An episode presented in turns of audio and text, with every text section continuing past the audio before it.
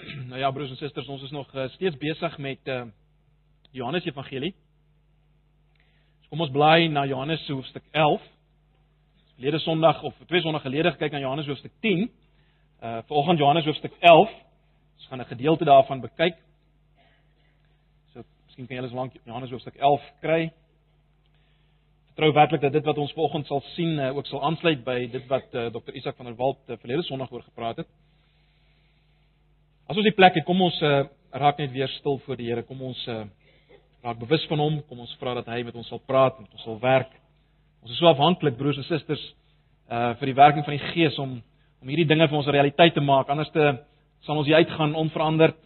Ehm uh, en waarskynlik nie verstaan waaroor ons gepraat het nie. So kom ons kom na die Here in groot afhanklikheid en vra dat hy met ons sal werk en sal praat.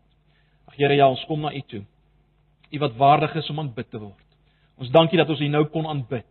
U wat die koning is van alle konings, die Here van alle Here. U die een soos Johannes 1 sê deur wie alles ontstaan het. En U was die lewe en die lewe was die lig vir die mense. Ons dink aan Kolossense wat sê alle dinge hou in hou in U in stand. U hou alles in stand. Alles hou uh, word in stand gehou deur U, deur U magswoord elke oomblik. Van die grootste ding tot die kleinste ding in die skepping.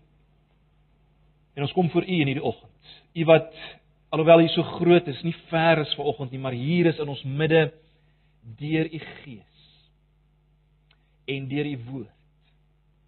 Ag Here, ons verlange is dat U met ons sal werk vanoggend dat U ons oë sal oopmaak om U nog beter te sien sodat ons kan lewe.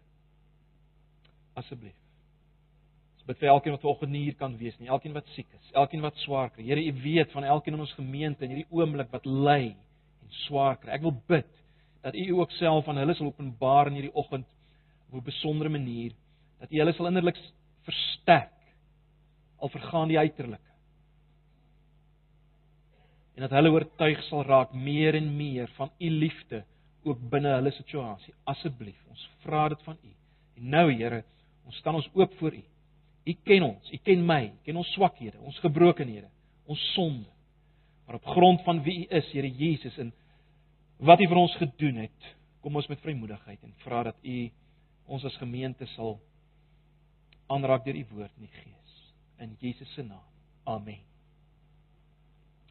Johannes hoofstuk 11 Ek gaan net die eerste 16 verse lees. Ons gaan spesifiek fokus op die eerste 16 verse. Hier's baie meer in Johannes 11 baie meer dinge wat ons kan sê vir oggend. Ek gaan spesifiek op een ding fokus, een waarheid wat ek wil deurbring. Kom ons eh, kom ons lees die eerste 16 verse saam. Ek lees maar die 83 vertaling. Ek dink nie daar's groot verskil tussen die twee vertalings op hierdie punt nie. 'n Man met die naam Lazarus, vers 1. 'n Man met die naam Lazarus was siek. Hy was van Betanië, die dorp waar Maria en haar suster Martha gewoon het. Maria was die vrou wat uh, met reukolie die Here gesalf en sy voete met haar hare afgedroog gedroog het. Dit was haar broer Lazarus wat siek was. Die susters het iemand na Jesus toe gestuur om te sê: "Here, hy vir wie u lief is, is siek." Toe Jesus dit hoor, het hy gesê: "Hierdie siekte sal nie op die dood uitloop nie, maar op die openbaring van die mag van God." Of van soos die 53 vertaling dit eh, stel, eh, tot die heerlikheid van God, sodat die seun van God daardeur verheerlik kan word. Jesus het vir Martha en haar suster en Lazarus liefgehad. Nadat hy gehoor het dat Lazarus siek is, het hy egter nog 2 dae op die plek gebly waar hy was. Eers daarna het hy vir sy disippels gesê: "Kom ons gaan terug na Judea toe." Die disippels sê toe vir hom: "Rabbi, nou die dag nog wou die Jode u stenig en u gaan weer daarheen." Jesus het geantwoord: "Is dit daar nie 12 uur in 'n dag nie? As iemand in die dag loop, struikel hy nie omdat hy die lig van hierdie wêreld sien." Maar as iemand in die nag loop, struikel hy omdat hy nie die lig het nie. Hierna het hy vir hulle gesê: "Ons vriend Lazarus slaap, maar ek gaan hom om wakker te maak." Die disippels sê te vir hom: "Here, as hy slaap, sal hy gesond word." Jesus het van Lazarus se dood gepraat, maar hulle het gedink hy praat van die gewone slaap. Toe sê Jesus vir sy uh vir hulle regheid: "Lazarus is dood." En om julle ontwil is ek bly dat ek nie daar was nie sodat julle in my kan glo. Maar kom ons gaan hom toe. Thomas wat ook Didimus genoem is, sê toe vir die ander disippels: Kom ons gaan ook sodat ons saam met hom kan sterwe. Nou broers en susters, ek uh ek vertrou werklik dat elkeen van ons wat hier sit steeds oortuig is dat die Johannes Evangelie vir ons is, vir jou is. Nie vir die ouens wat nie volgende hier is nie, vir jou. Uh ek hoop ons is oortuig van die feit dat dit van absolute lewensbelang is dat ek en jy sal glo. Hier en nou sal glo en meer en meer sal glo dat Jesus die Christus is. En dat ons deur te glo sal lewe met 'n hoofletter. Lewe wat bestaan uit in verhouding wees met God en in verhouding wees met mense rondom ons, soos dit was aan die begin. Ek is op ek hoop ons is oortuig daarvan. Dis die doel waarvoor Johannes skryf. Johannes 20 vers 21. Onthou julle? Dis die doel waarvoor hierdie hierdie evangelie geskryf is. Ek hoop ons is oortuig daarvan dat geloof is nie iets wat net eenmaal in die verlede moet plaasvind nie. Geloof is iets wat moet groei en aangaan en voortgaan, né? Nee. Ons het dit duidelik gesien in Johannes 9, het ons nie? Uh by die blinde man, die blindgebore man. Hy het al meer en meer duideliker en duideliker gesien wie Jesus is. Wie Jesus is. In Johannes 11, uh, wat ons nou begin lees het, sien ons dat die mense wat hier betrokke is en dit wat hier gebeur, is reeds gelowiges. Dis reeds gelowiges. Maar in vers 15 sien ons dat Jesus sê dat alles wat hier gebeur het is sodat hulle kan glo. Hierdie ouens wat klaar glo. Hierdie binnekring wat klaar glo. Jesus sê alles wat hier gebeur het is sodat hulle kan glo. En dit sê vir ons broers en susters dat daar meer is. Dat ek en jy maak nie saak of ons al 50 jaar lank 'n kind van die Here is nie, moet meer glo. In die in die beelde van Johannes Evangelie, ons moet meer eet en meer drink van Jesus. Daar's meer. Glo julle dit? Daar's meer. Maria, of wie as nie die hoofstuk lees, het geglo dat Jesus die Christus is. Maar sy het nog nie werklik geglo dat Jesus die opstanding en die lewe is. As ons die agtergrond van hoofstuk 9 en 10 in gedagte hou, kan ons sê uh dat dit moontlik is om 'n ware skaap van Jesus te wees. En oortuig te wees dat hy vryelik uit vrye wil sy lewe vir my afgelê het, soos soos ons gesien het twee sonnae gelede. Om oortuig te wees hy is die goeie herder. Dis moontlik om oortuig te wees daarvan dit te glo en steeds nie ten volle te glo nie. Nie van alles oortuig te wees waarvan ons oortuig moet wees nie. Dis moontlik. Kom ek stel dit so. Jy kan vanoggend hier sit en getuig dat hy jou liefhet. Maar dit is dalk moontlik dat jy nog nie verstaan hoe dood rym met hierdie liefde van die herder. Die dood van 'n geliefde. Jou geliefde. Die dood in die wêreld, jou komende dood. Jy kan nie verstaan hoe die twee bymekaar kom nie. Die liefde van hierdie goeie herder Jesus en dood. En dit maak dat jy nog nie ten volle 'n passie vir hom het. Jou geloof nog nie heeltemal is wat dit moet wees nie. En ek wil vanoggend hierop fokus. So ek sê daar's baie waarop ons kan fokus in Johannes 11. Maar ek wil spesifiek fokus op gelowiges. Met ander woorde mense wat reeds glo, maar wat nog nie hierdie twee dinge werklik bymekaar kan bring nie. Naamlik dood, fisiese dood en die liefde van Jesus. En ek hoop dat uh, as jy hier sit vanoggend as 'n ongelowige dat jy jaloers sal word. Uh op dit wat ons as gelowiges gaan sien volgens. So kom ons staan nader aan hierdie gedeelte. Kom ons beweeg deur hierdie gedeelte, hierdie verse. So ek wil tog hê dat julle die Bybels sal oophou. Is baie belangrik broers en susters dat julle dit sal sien, uh, dat julle saam met my sal gaan. Nou, net voor hierdie gedeelte waarop ons gaan fokus, net voor Johannes 11 vers 1 tot 16, ehm uh, het die skare in Jerusalem klippe opgetel soos hulle al van tevore ook gedoen het. Hulle klippe opgetel om Jesus te stenig. In vers 31 sien ons dit. En in vers 39 dink ek as ek reg is, ehm uh, wil hom weer gevange neem. Maar Jesus ontsnap en uh hy gaan oos en noord en dan gaan hy uiteindelik oor die Jordaan. En dan kort voor lank sien ons in vers 3 dat hy 'n boodskap kry uh van Maria en Martha, sy vriende van Betanië. Hulle stuur hom 'n boodskap dat hulle broer uh, hulle broer Lazarus baie siek is. So dis die dis die plasing, nê. Nee. En dit skep die geleentheid. Hierdie hierdie gebeure skep die geleentheid vir Jesus om ongelooflike woorde uit te spreek oor dood, liefde en die heerlikheid van God. En julle sou gehoor het ek het daai woorde beklemtoon toe ons dit gelees het. Ons sien dit baie duidelik in die eerste 6 uh, eh, verse. Dood, liefde en die heerlikheid van God. Ons sien dit in daai eerste 6 verse. Jesus. Die een deur wie alles ontstaan het. Wat alles in stand hou. Uh die een wat mag het om te praat oor lewe en dood en die en dit wat in die wêreld gebeur en liefde en tragedies en vreugde. Die een wat die mag het om daaroor te praat. Is hier op die punt broers en susters om om hierdie mense se wêreld om te keer. En dalk is hy op die punt om om jou wêreld om te keer deur dit wat hy hier gaan sê. Kom ons kyk net na vers 1 en 2 eers. Kom ons lees net vers 1 en 2 weer saam. 'n Man met die naam Lazarus was siek. Hy was van Betanië, die dorp waar Maria en haar suster Martha gewoon het. Maria was die vrou wat met reukolie die Here gesalf en sy voete met haar hare afgedroog het. Dit was haar broer Lazarus wat siek was. Nou hier's iets baie interessant.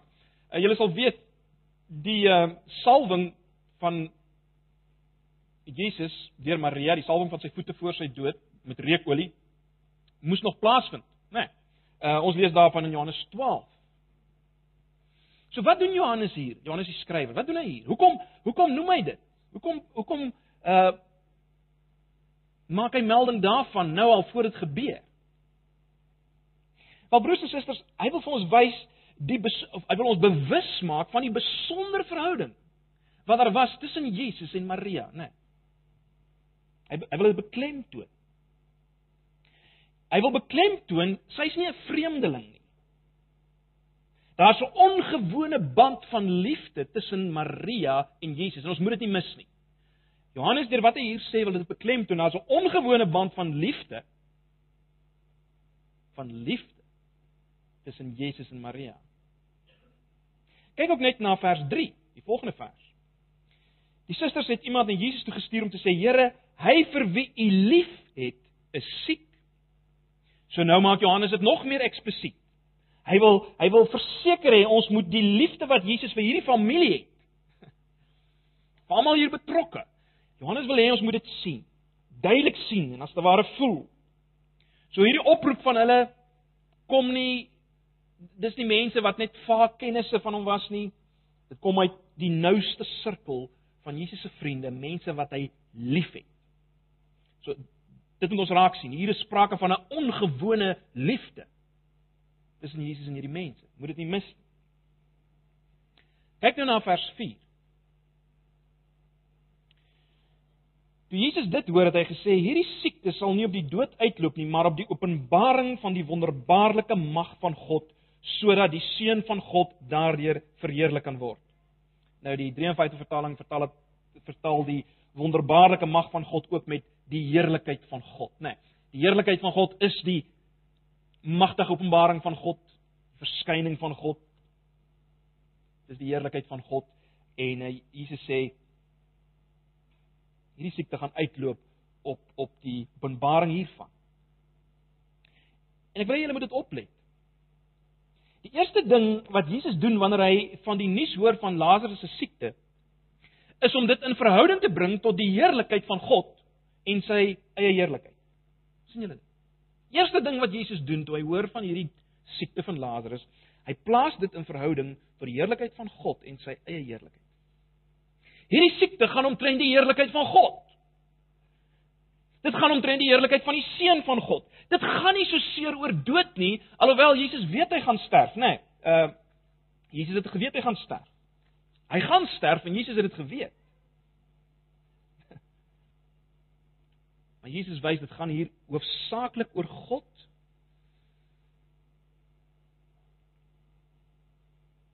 oor die seun van God en hoe heerlik God en sy seun is. Dis waaroor dit gaan. Dis waaroor dit gaan. Dis wat Jesus in vers 4 sê as hy sê hierdie siekte sal nie op die dood uitloop nie. Uh met ander woorde hy sê die die punt van hierdie siekte is nie die dood nie. Dit is vir die heerlikheid van God sodat die seun van God daardeur verheerlik kan word.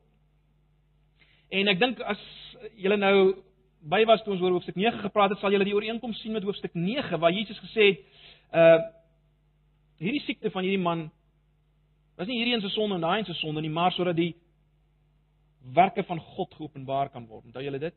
Al verskil hier is, dit gaan nie hier oor 'n siekte soos blindheid nie, dit gaan oor dood, fisiese dood. Lazarus gaan sterf. Lazarus gaan sterf en Jesus weet dit. Om die waarheid te sê, Jesus kies dat Lazarus sterf. Kom ons gaan nog 'n vers verder, vers 5. In vers 5 onderstreep Johannes vir ons vir die derde maal Jesus se liefde vir hierdie mense. Kyk na vers 5. Jesus het vir Martha en haar suster en Lazarus liefgehad. I mean, Johannes wil regtig hê ons moet dit sien, né? Nee. Hy wil regtig hê ons moet dit sien. En moet ek vra mense die vraag, maar hoekom beklemtoon Johannes dit so?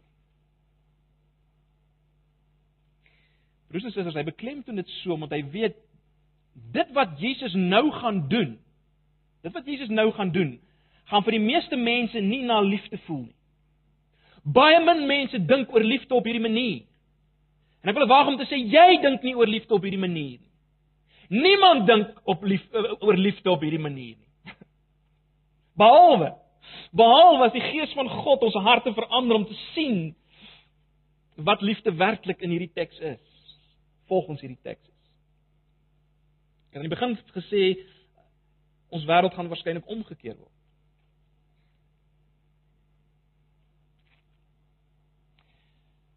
Johannes weet broers en susters dat dit wat hy gaan sê in vers 6 gaan teen alle menslike belewing indrys. Alle menslike belewing waar God nie alles is nie. Wat hy nou gaan sê gaan indrys daarteen. Nou die sleutelwoord wat skok is ongelukkig nie duidelik vertaal in ons vertalings nie. So julle moet my woord daarvoor vat. Aan die begin van vers 6 is daar 'n duidelike daarom. In die begin van vers 6 is daar 'n daarom. In ander woorde vers 5 en 6 lees eintlik so, luister mooi. Jesus het vir Martha en haar suster en Lazarus liefgehad. Daarom, nadat hy gehoor het dat Lazarus siek is, het hy egter nog 2 dae op die plek gebly waar hy was.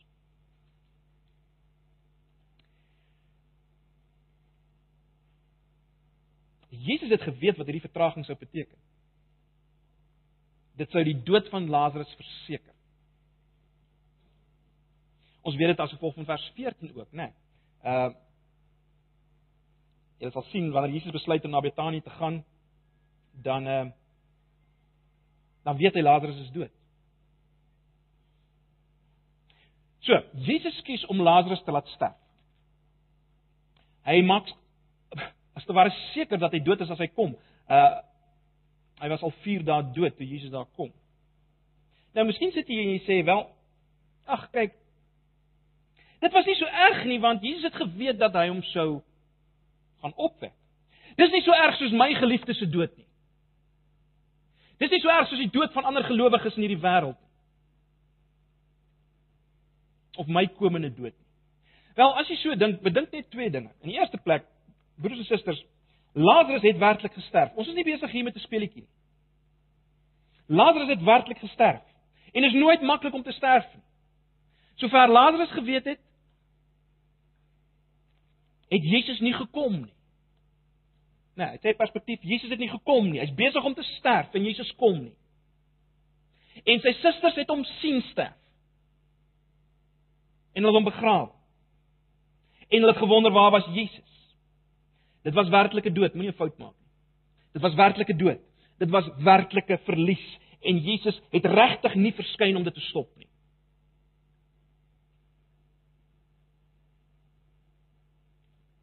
Dis werklike dood.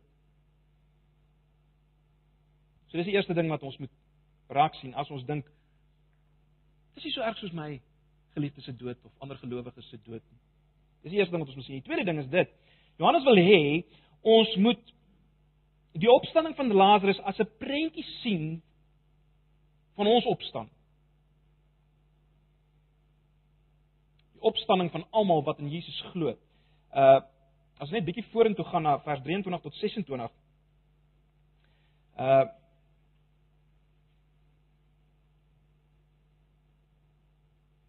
sê Jesus vir Martha: "Jou broer sal uit die dood opstaan." Maar Martha sê vir hom: "Ek weet hy sal met die opstanding op die laaste dag uit die dood opstaan." Toe sê Jesus vir haar: "Ek is die opstanding en die lewe. Wie in my glo sal lewe al sterwe hy ook.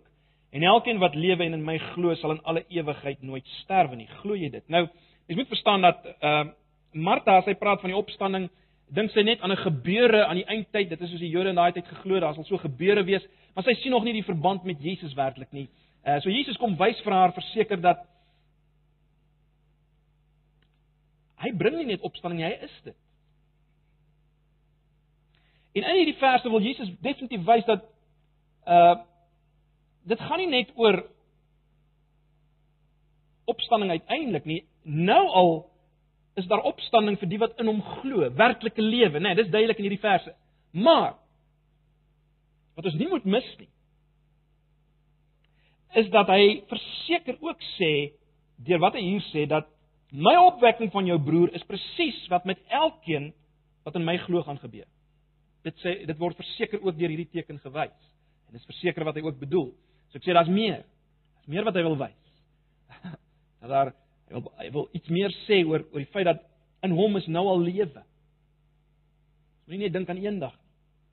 Maar verseker wil hy ook sê en ons moet dit raak sien nou binne die konteks waarmee ons besig is. My opwekking van jou broer is presies wat sal gebeur met elkeen wat in my glo. Met ander woorde, as ek en jy dink aan die aan die dood van Lazarus. Dit was werklik, dit was vreeslik, soos myne en joune sal wees en soos jou geliefde se dood was. En as jy dink sy dood was Lazarus se dood, as jy dink Lazarus se dood was minder erg omrede Jesus hom opgewek het, Wel die waarheid is, jou dood sal niks erger wees nie, want jy sal ook deur Jesus opgewek word. Die enigste ding wat verskil is die tyd, is dit nie? Die enigste ding wat verskil is die tydsverloop. En die hoeveelheid tyd wat gaan verloop tussen jou dood en jou uiteindelike opstanding, wel, is natuurlik niks in vergelyking met die ewigheid. So so ons moet dit sien. Was werklike dood en ons moet ons opstanding in Lazarus se sien. En nou is ons gereed om weer hierdie hoofpunt wat ek wil maak te sien en te voel. Luister mooi. Luister mooi. Dis liefde wat Jesus beweeg om Lazarus te laat sterf. Dis liefde wat Jesus beweeg om Lazarus te laat sterf. Dit was die liefde van Jesus vir hierdie familie en vir sy disippels en vir jou en my wat laat hom wat hom laat kies om Lazarus te sterf. Dis die wat ons sien uit die verband tussen vers 5 en 6. Dis hoekom hy hom glad nie haat na Lazarus. Nou Johannes die skrywer bedoel dat ek en jy moet vra maar hoe kan dit liefde wees? Hy het dit beplan en het baie moeite gedoen uh om te beklemtoon hy het hulle lief. Hy het hulle lief. Hy het hulle lief. Nee, ons het dit gesien. En daarom genees hy nie vir Lazarus nie, maar laat hom sterf. En die vraag is maar hoe kan dit liefde wees? Hoekom is dit liefde? Wel Jesus het hierdie antwoord duidelik gegee en hy gee dit weer in vers 15, maar kyk net weer na vers 4. Kyk net weer na vers 4. Hierdie siekte sal nie op die dood uitloop nie, maar op die openbaring van die wonderbaarlike mag van God of van die heerlikheid van God, sodat die seun van God daardeur verheerlik kan word. Hierdie siekte sal uitdraai vir die heerlikheid van God en vir die heerlikheid van die seun van God. Hierdie siekte sal die heerlikheid van God ten stoon stel. Dit sal Jesus ongelooflik wonderlik laat lyk as jy wil. Dit sal iets van die magtige verskyning van God laat blyk vir die dood. Daarom het liefde Lazarus laat sterf. Daarom het liefde Lazarus laat sterf. Liefde het hom laat sterf omrede sy dood hulle sal help om op meer maniere as waarvan hulle bewus is hierdie heerlikheid van God te sien. Hierdie magtige verskyning van God. Hierdie ongelooflike wonderlikheid van Jesus. So wat is liefde? Wat is liefde? Wat beteken dit om liefgehad te word deur Jesus, jou herder? Ons ons moet dit vir mekaar sê vanoggend. Wat beteken dit dan om liefge liefgehad te word deur Jesus?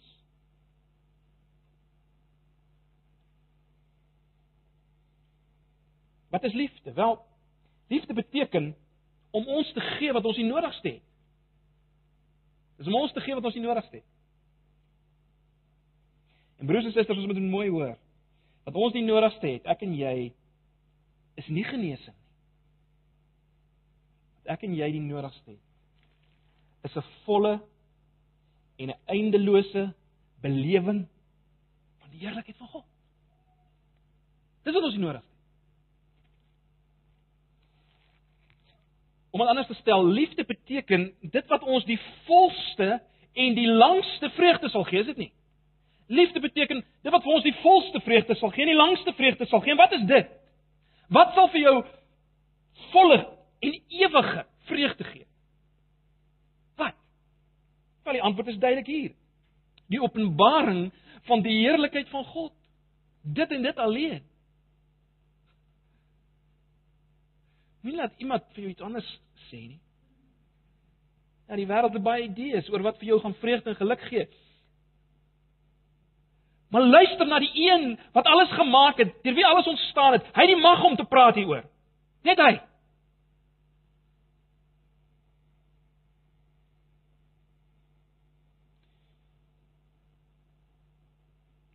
Wat sal vir ons volle en ewige vreugde gee? Die openbaring van die heerlikheid van God. Om dit anders te stel, om die heerlikheid van God in Jesus Christus te sien, te bewonder, te proe net soos jy dit wil stel. Kom ek stel dit so: As iemand gewillig is om te sterf of jou broer laat sterf om vir jou en jou broer dit te gee, dan het jy lief. Dan het jy lief. Liefde beteken om te doen wat ook al jy moet doen om mense te help om die heerlikheid van God te sien. Mense te help om die heerlikheid van God te sien en om dit te koester as hulle hoogste vreugde om daarmee versadig te word. As jy mense help om dit te doen, is jy lief. Om dit te beleef, dan jy lief. Kyk hoe stel Jesus dit in vers 14 en 15. Toe sê Jesus vir hulle reguit Lazarus is dood En om julle ontwil is ek bly dat ek nie daar was nie sodat julle in my kan glo. Nou al wat hy hier doen is om die ander kant, die teenpool van die uh openbaring van God se heerlikheid uit te lig. Want die teenpool, die ander kant van die openbaring van die heerlikheid van God is om te glo. Om te glo is te kom na Jesus om om te vers, om versadig te word met alles wat God vir ons is in hom En ons kan net op hierdie manier na hom kom as ons sy heerlikheid sien. Dit sê Johannes 1 vers 14 alreeds vir ons. Ons kan net so na hom kom as ons as ons sy heerlikheid sien. Broers en susters, hierdie twee dinge is die twee groot doelwitte van dit wat is, as ek dit so kan stel. Aan die een kant God se demonstrasie, die wys van sy heerlikheid in Jesus Christus, en aan die ander kant menslike wesens wat hierdie heerlikheid sien en dit bo alle dinge bewonder en koester. Die hele skepping gaan hieroor. Dis die betekenis van lewe. Dis die betekenis van die hele skepping. Dis hierdie twee dinge. En in 'n sekere sin is dit is dit nie twee doelwitte nie, dis een. Hoekom? Hoekom? Want as ons God se heerlikheid bo alle dinge as kosbaar koester, wel eh, in 'n sekere sin dan demonstreer ons saam met God sy heerlikheid. Dan wys ons mos sy heerlikheid.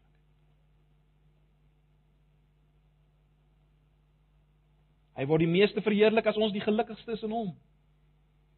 Dan word hy verheerlik.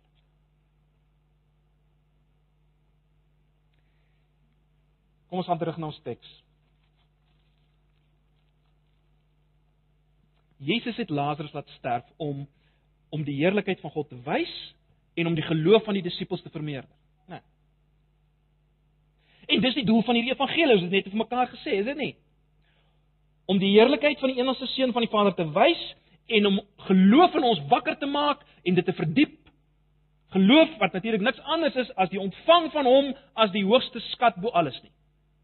En dit is liefde. Dis die hoofpunt. Dit is liefde.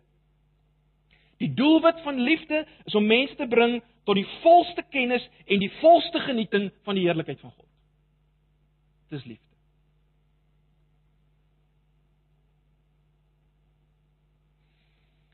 En nou, baie belangrik broers en susters, Jesus het nie net Lazarus hiervoor laat sterf nie. Hy het self daarvoor gesterf. Nou, Jesus het reeds in in hoofstuk 10 verwys na sy dood as hy sê dat hy sy lewe aflê gaan aflê vir die skape vrywilliglik. In hoofstuk 12 gaan hy praat oor homself as die koringkorrel wat in die grond val en sterwe.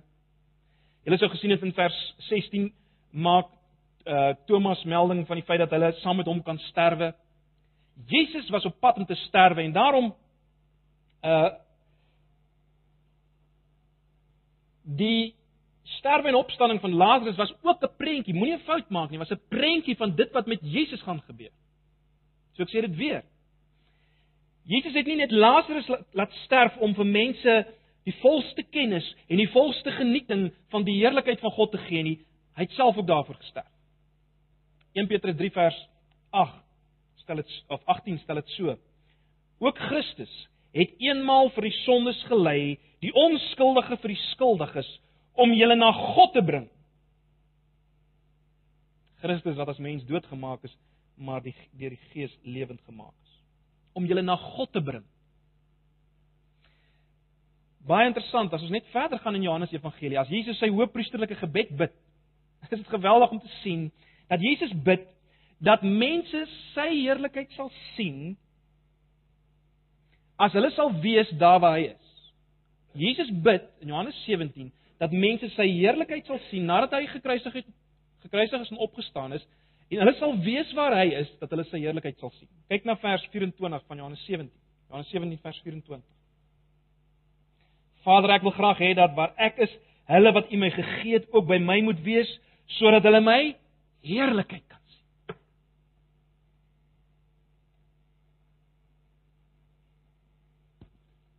Vra weer wat is liefde? Liefde is die begeerte wat alles doen en lei om ander te gee dit wat onbeperk versadigend is, ewig versadigend is. En dit is die heerlikheid van God.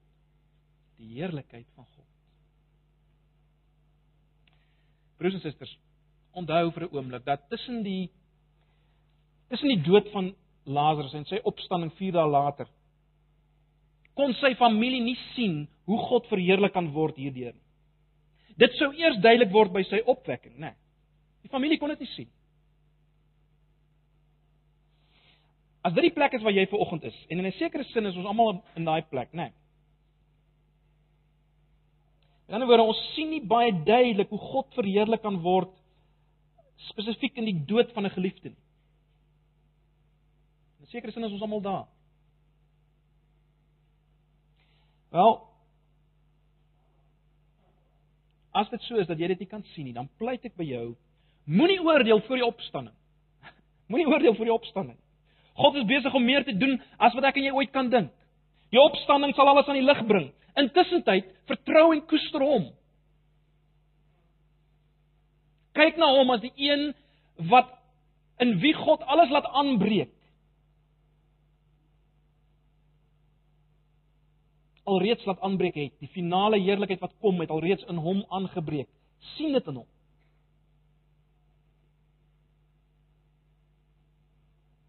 Ook die feit van ons nuwe liggame het alreeds in hom aangebreek. Jy en ek gaan nuwe liggame hê. Ons gaan opgewek word. Hy gaan kom in die heerlikheid. Broers en susters, dit wat ons vanoggend hier gesien het, is net 'n is net 'n venster op die heerlikheid wat kom. Dit is net 'n venster. Hierdie preek is net 'n venster. Hierdie gedeelte is net 'n venster. So kyk hierna. sien dit en glo. Jy gaan dit nog duideliker sien uiteindelik eendag, die heerlikheid van God. Maar nou al sien dit hier. Vat dit. God sê hierdeur vir my en jou vanoggend weer eens, ek het jou lief.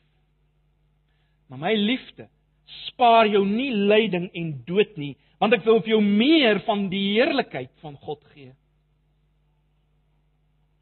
Meer heerlikheid as wat jy jouself kan indink op hierdie oomblik. En hy sê volgens ook vir ons, ek weet dat dit nooit maklik is nie, dat daar hartseer is in vers 35. Ehm um, en ook in vers 38 sien mens dit. Jesus vol emosie is. Uh hy deel daarin. Wat ons nou sê beteken nie ag, ons kan lag oor dood, dis nie so erg nie, nee, glad nie. Dis ook nie wat Jesus gedoen het nie. Hy lei saam met ons daarin, hy deel daarin, maar dis die pad na meer sien van die heerlikheid van God. Dis die pad na meer sien van die heerlikheid van God. Ag broers en susters, kom ons kom ons spreek dit vir onsself. Kom ons spreek dit vir onsself. Hierdie liefde. Dan sal ons optrede begin verander. Totaal en al. Ag, net 'n laaste woord aan die van die van julle wat hier sit wat Miskien sê maar ek kan nie sien, ek ek kan dit nog nie regtig insien nie. Kan jy sien dat dat dood sy liefde is? Wel, waarskynlik omdat jy nog nooit hier en nou beleef het droom opgewek te word nie. Jy het nog nooit begin verstaan wat is lewe en wat is dood nie. Dat lewe nie is om maar net aan te gaan en te eet en te drink en te slaap en op te staan nie, maar dat lewe is om in verhouding met God te wees en met mekaar. Jy het nog nie gesien dat Jesus is die lewe nie. Hy was in volmaakte verhouding met God en mense. Jy het nog nie gesien dat jy in hom moet invlug. Daarom verstaan jy dit nie. Daarom pleit ek by jou, ek wil nie vanoggend te veel aandag daaraan gee nie, maar ek pleit by jou.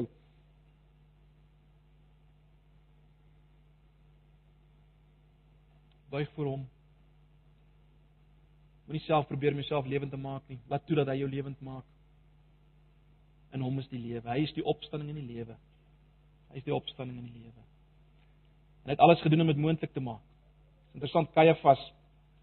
Kajafas ehm uh, in vers 50 profeteer dit sonder dat hy weet dat Jesus al 'n plaasvervangende dood sterf sodat ek en jy kan lewe.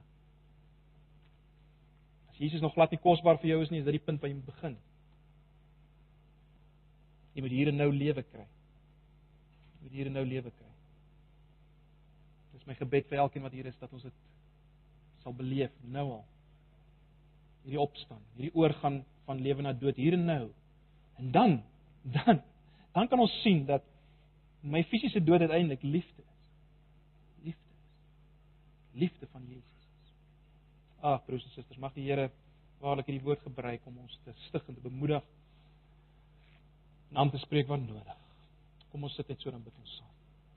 Here, baie dankie vir die woord. Baie dankie dat ons vanoggend maar net weer kon sien u so anders. U so anders as wat ons dikwels dink. Ons dankie daarvoor want dis jy hoekom u God is. Dankie vir wat ons vanoggend kon sien van u liefde. Nag Here, ek wil bid vir elkeen wat hier is vanoggend dat ons by hernuwing u sal raak sien en ons geloof sal groei. En ag as daar hier mense is wat wat u nog glad nie ken nie dat dat hulle U vir die eerste maal sal sien hoe wonderlik U is, hoe heerlik U is. Dat hulle sal toelaat dat U hulle lewend maak en opwek soos U Lazarus opgewek het. Asseblief. Ons vra dit in Jesus se naam. Ons bly dit in U naam, Here. Amen.